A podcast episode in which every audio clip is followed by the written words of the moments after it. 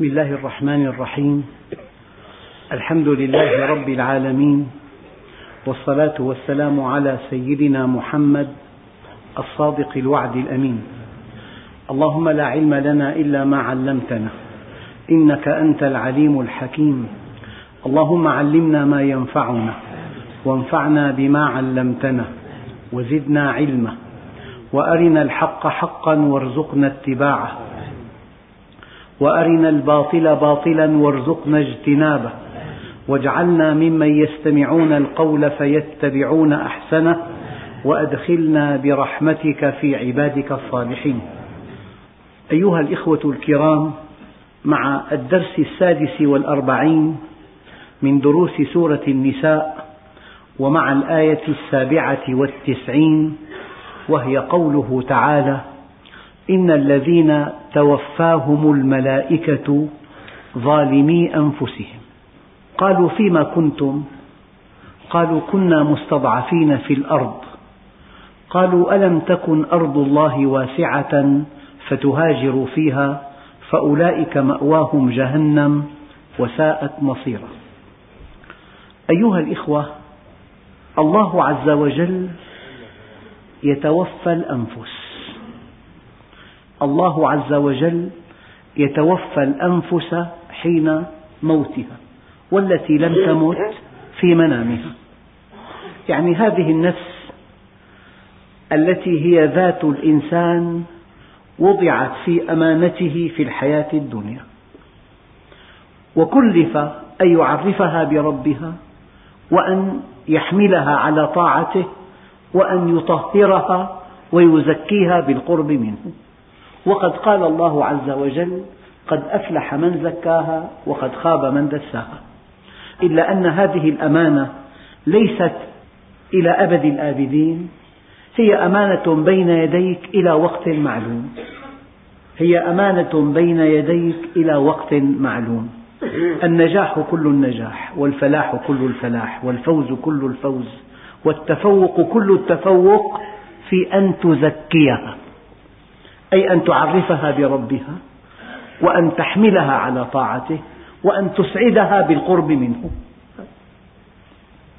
وقد أفلح من زكاها وقد خاب من دساها من تركها جاهلة غير منضبطة بمنهج الله. تملأها الشهوات والأدران. هذه أشقى النفوس. لكن الإنسان لا بد من وقت تسترد فيه الأمانة. تسترد فيه الأمانة. ولعوام الناس كلام يقترب من هذا المعنى. يقولون صاحب الأمانة أخذ الأمانة. نفسك أمانة بين يديك. كل بطولتك أن تزكيها. أما هي أمانة لا إلى أبد الآبدين إلى وقت معلوم. إلى وقت معلوم. الله عز وجل قال وسارعوا إلى مغفرة من ربكم وجنة عرضها السماوات والأرض. قل يتوفاكم ملك الموت الذي وكل بكم. نعود إلى الوفاء. الذي يأمر بالوفاء هو الله الآمر الأعلى. والأمر يتوجه إلى ملك الموت. قل يتوفاكم ملك الموت الذي وكل بكم. فالله عز وجل إذا قال الله يتوفى الأنفس حين موتها أي هو الذي يأمر. وإذا قال الله عز وجل قل يتوفاكم ملك الموت الذي وكل بكم أي هو المنفذ. وإذا قال الله عز وجل توفته رسلنا هؤلاء أعوان ملك الموت. الحقيقة الله عز وجل هو الذي يأمر وملك الموت مشرف على التنفيذ وله أعوان أشير إليهم في قوله تعالى توفته رسلنا وهم لا يفرطون.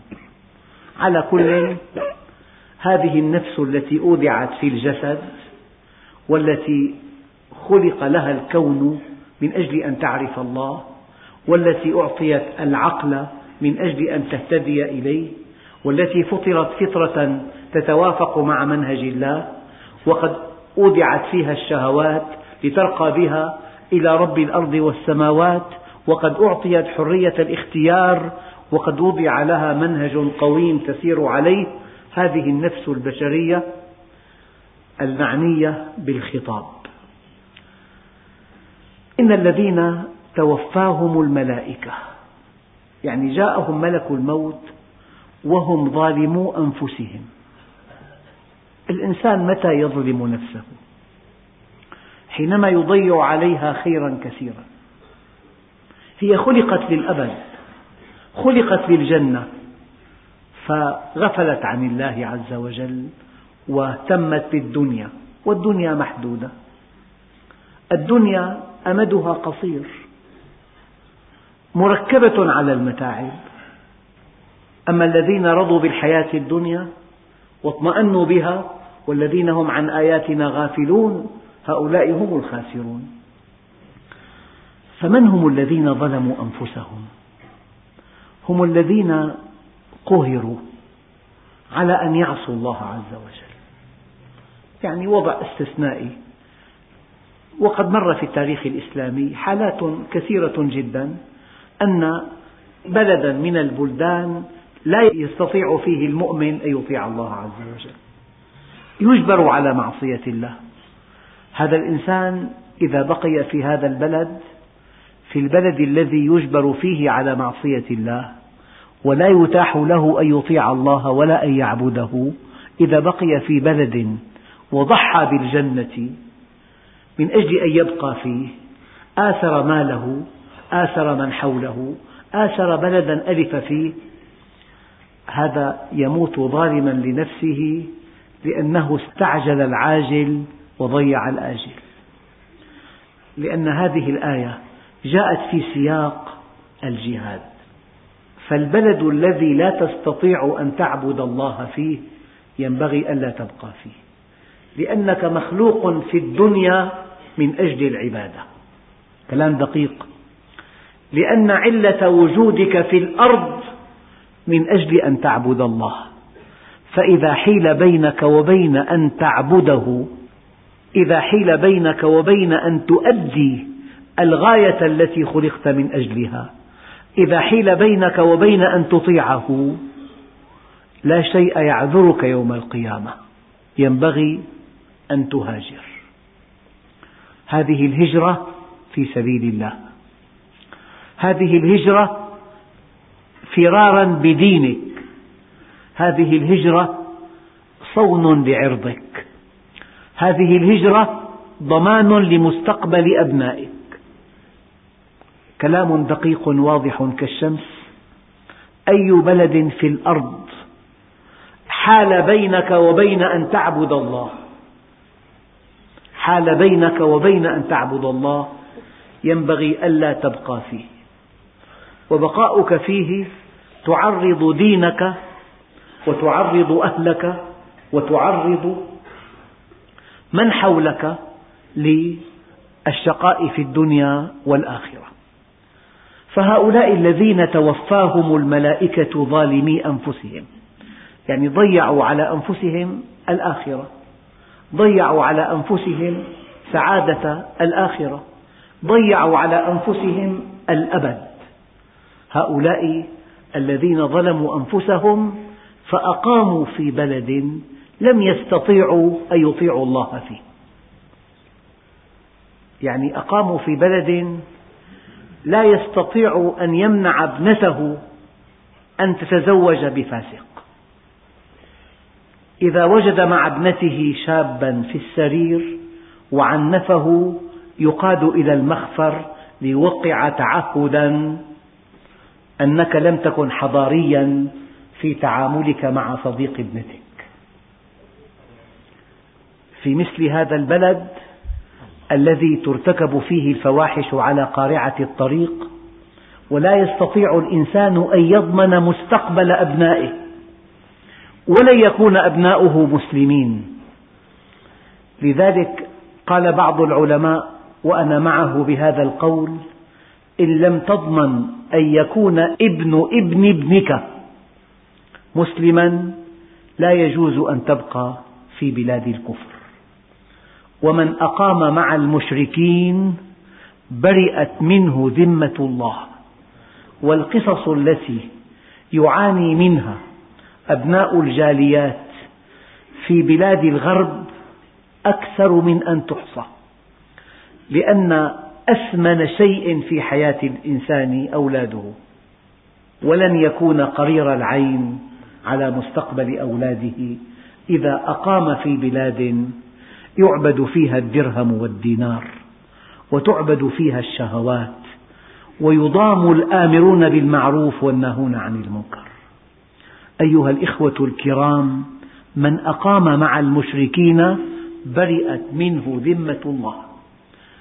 ولا أطمئنكم بل أقرر حقيقة أن النبي عليه الصلاة والسلام في أكثر من ثلاثين حديثا صحيحا دعا المسلمين في آخر الزمان إلى السكنى في الشام. فقال هي خير بلاد المسلمين للمسلمين يومئذ. وقال رأيت عمود الإسلام قد سل من تحت وسادتي فأتبعته بصري فإذا هو بالشام. فعليكم بالشام في آخر الزمان. طوبى لمن له فيها مربض شاة الداخل إليها برضائي والخارج منها بسخطي. إذا كان لك في الشام مربض شاة طوبى لك. إن كان لك في الشام مورد رزق يكفيك طوبى لك. وترون هذا التجمع في مسجد في درس قد لا يوجد في بلاد أخرى. في بلاد أخرى قد تسأل سؤالا إذا دخلت المسجد مرة واحدة. نحن والحمد لله كما ترون. الجوامع مكتظة بالمصلين. وأرجو الله سبحانه وتعالى أن يضاف إلى هذا التجمع التقوى والصلاح نعم.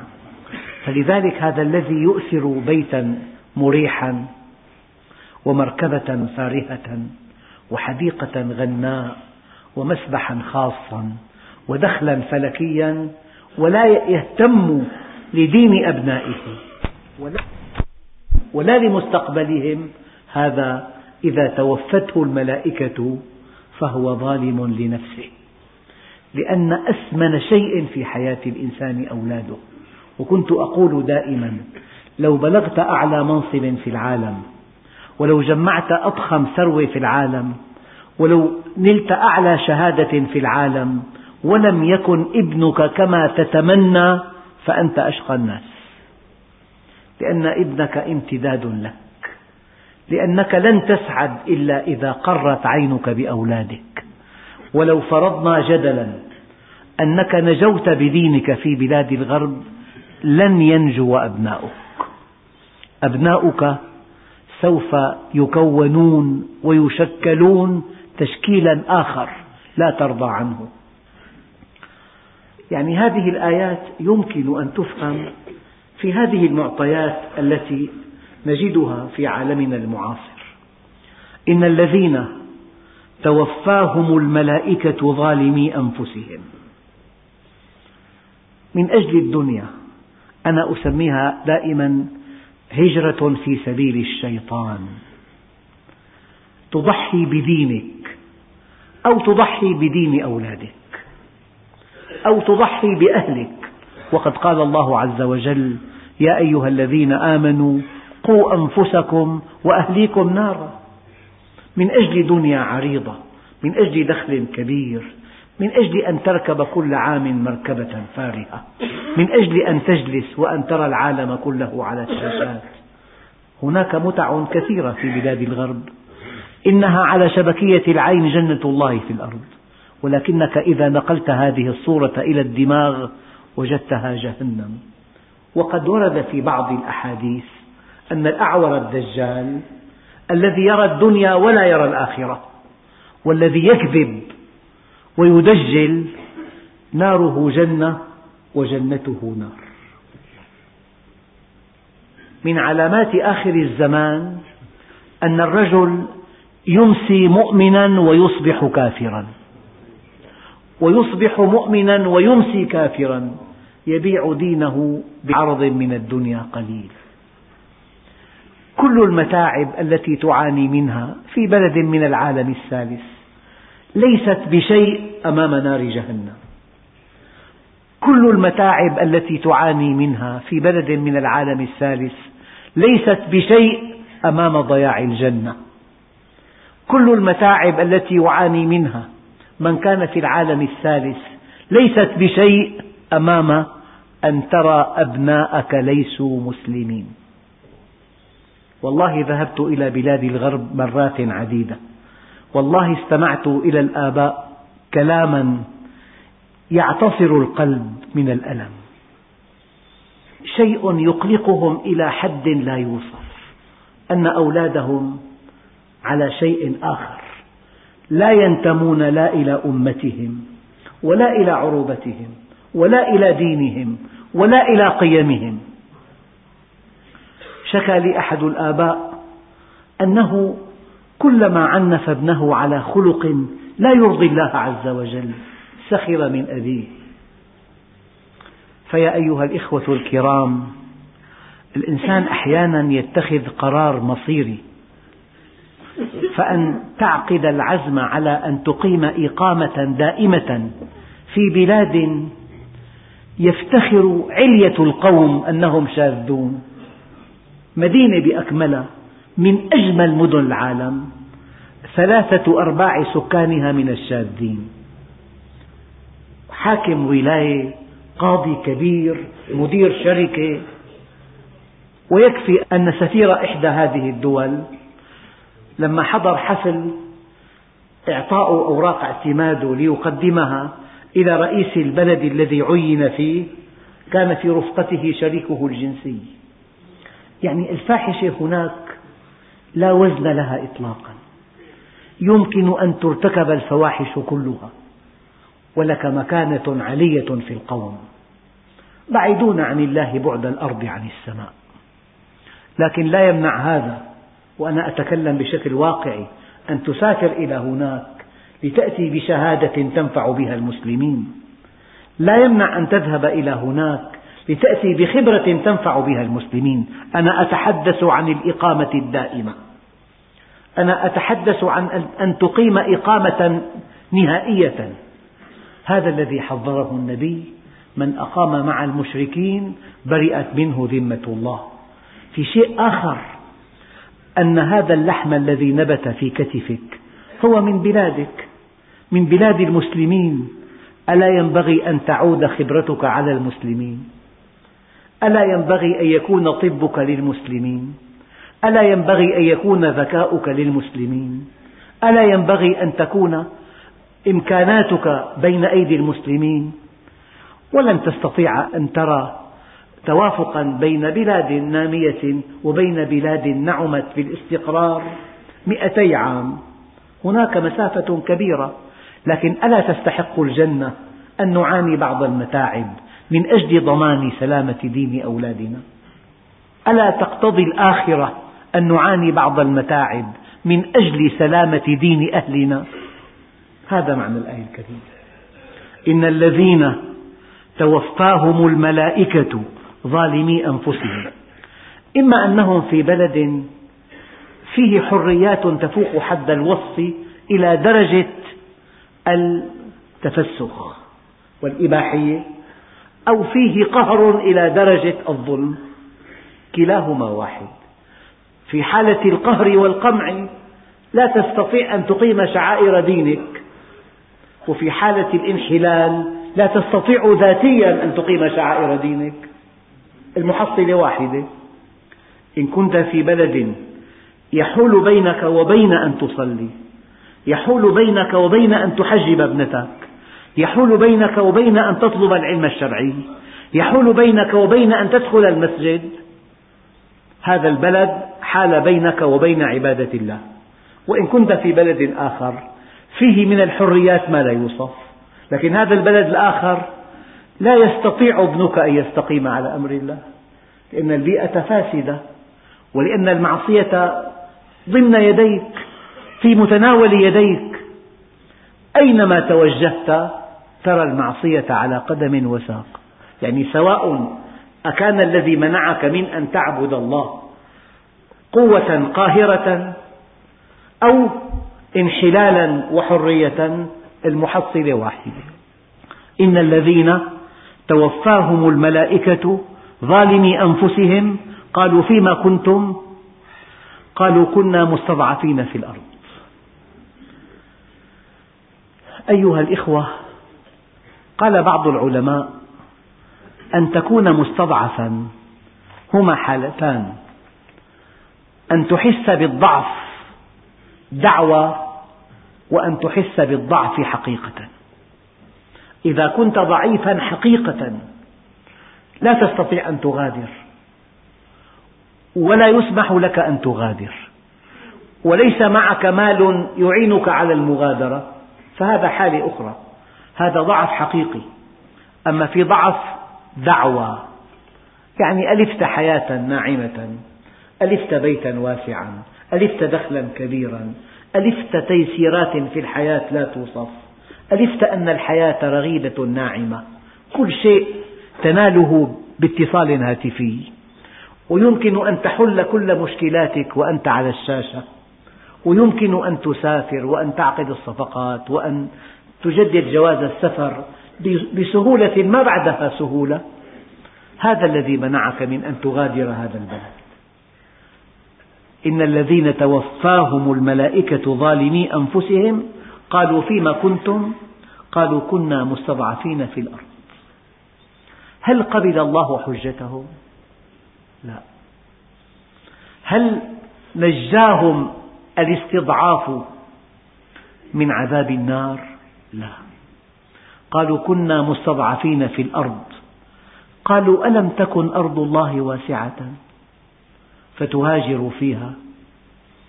كلما التقيت بإنسان مقيم هناك ويشكو تفلت أولاده وانحرافهم وانغماسهم في محرمات يحرمها الشرع وهم متألمون أشد الألم.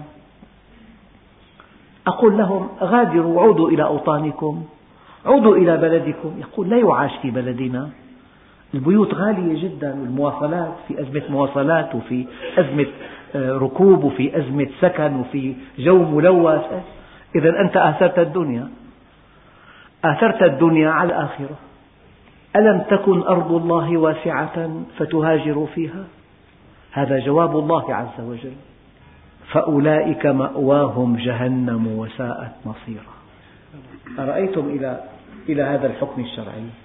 أرأيتم إلى مصير هؤلاء الذين طابت لهم السكنى في بلاد الغرب ومدحوا جمالها ومناخها وأمطارها ولونها الأخضر ورخص أسعارها وسهولة التعامل مع بعض الناس قال فأولئك مأواهم جهنم وساءت مصيرا.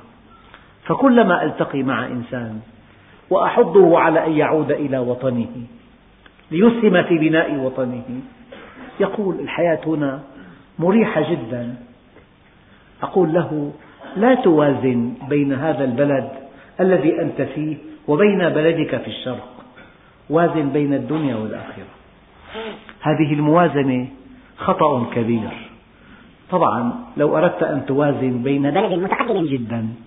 وهو ينعم بالاستقرار أكثر من مئتي عام وقد جمع أموال الدنيا عنده. طبعا لا يوازن مثل هذا البلد مع بلد نام يعاني من مشكلات لا تنتهي. صنعها له الطرف الآخر. أقول له لا توازن بين بلد متقدم وبلد في الشرق الأوسط. ولكن وازن بين الدنيا والآخرة. فالذي يهاجر من بلد يستطيع أن يعبد الله فيه كما ترون في شيء اسمه خجل حياء في بقية وفاء في بقية تماسك أسرة. الأب عندنا مقدس همه الأول تزويج أولاده. الأم عندنا أم. يعني هناك صفات في الأسرة في الشرق تتمتع بها لا نراها هناك إطلاقا. يعني مرة وقف رئيس دولة عظمى هي قطب العالم غير الذي هو على كرسي الحكم الآن. قال إننا نعاني من مشكلات مدمرة. قفز إلى ذهني ما المشكلات المدمرة التي يعاني منها بلد يتربع على عرش القوة في العالم. تصورت الصين أو أوروبا فالمفاجأة كانت إن أضخم هذه المشكلات تفكك الأسرة والمخدرات وشيوع الجريمة. المخدرات وتفكك الأسرة وشيوع الجريمة. إذا في إيجابيات في بلادنا أيها الإخوة من الصعب جدا أن يكتشفها الإنسان إلا إذا غادر بلده إلى بلد آخر في إيجابيات كثيرة. والإنسان المنصف ينبغي أن يكشف الإيجابيات والسلبيات. أما أن يبقى في السلبيات وأن يكثر التشكي ليس هذا من الإنصاف في شيء. ألم تكن أرض الله واسعة فتهاجروا فيها؟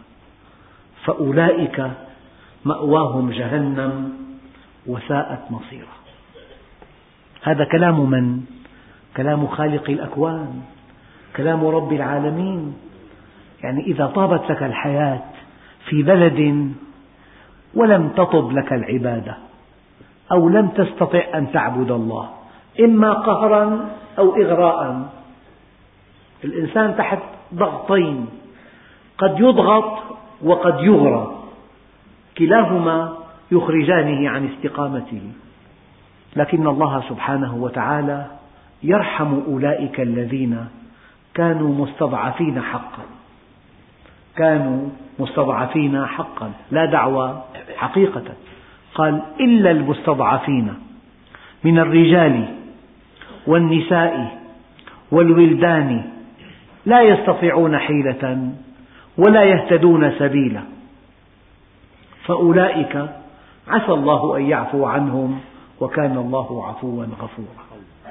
يعني في إنسان لا يستطيع إما لا يسمح له أو لا يملك ثمن السفر أو لا يملك موافقة الإقامة في بلد آخر.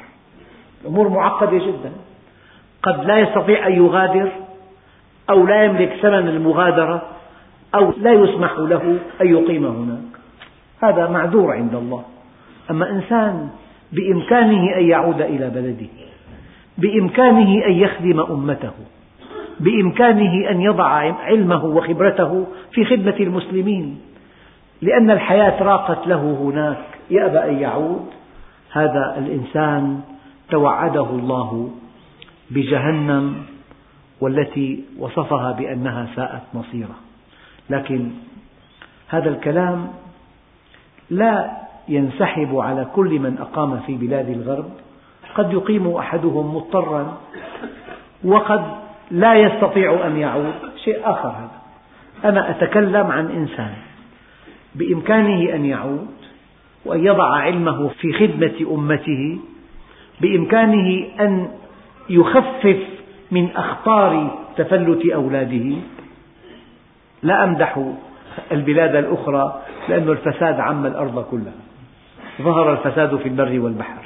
لكن في بيئات أفضل من بيئات. في بيئات احتمال الانحراف أقل من بيئات أخرى. ثم يقول الله عز وجل ومن يهاجر في سبيل الله. ذكرت في مقدمة هذا الدرس هناك هجرة في سبيل الشيطان.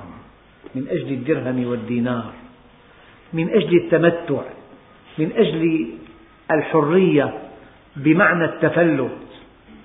هذه هجرة في سبيل الشيطان.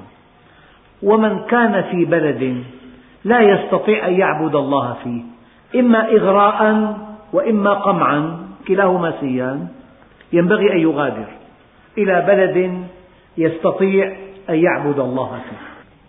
قال ومن يهاجر في سبيل الله يهاجر في سبيل الله يعني فرارا بدينه أو صونا لدينه وإنقاذا لأهله ولأولاده.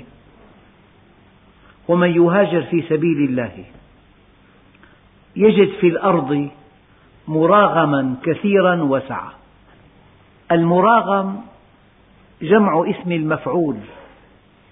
هذا الجمع من مادة رغم والرغام هو التراب. رغم أنفه يعني لامس التراب.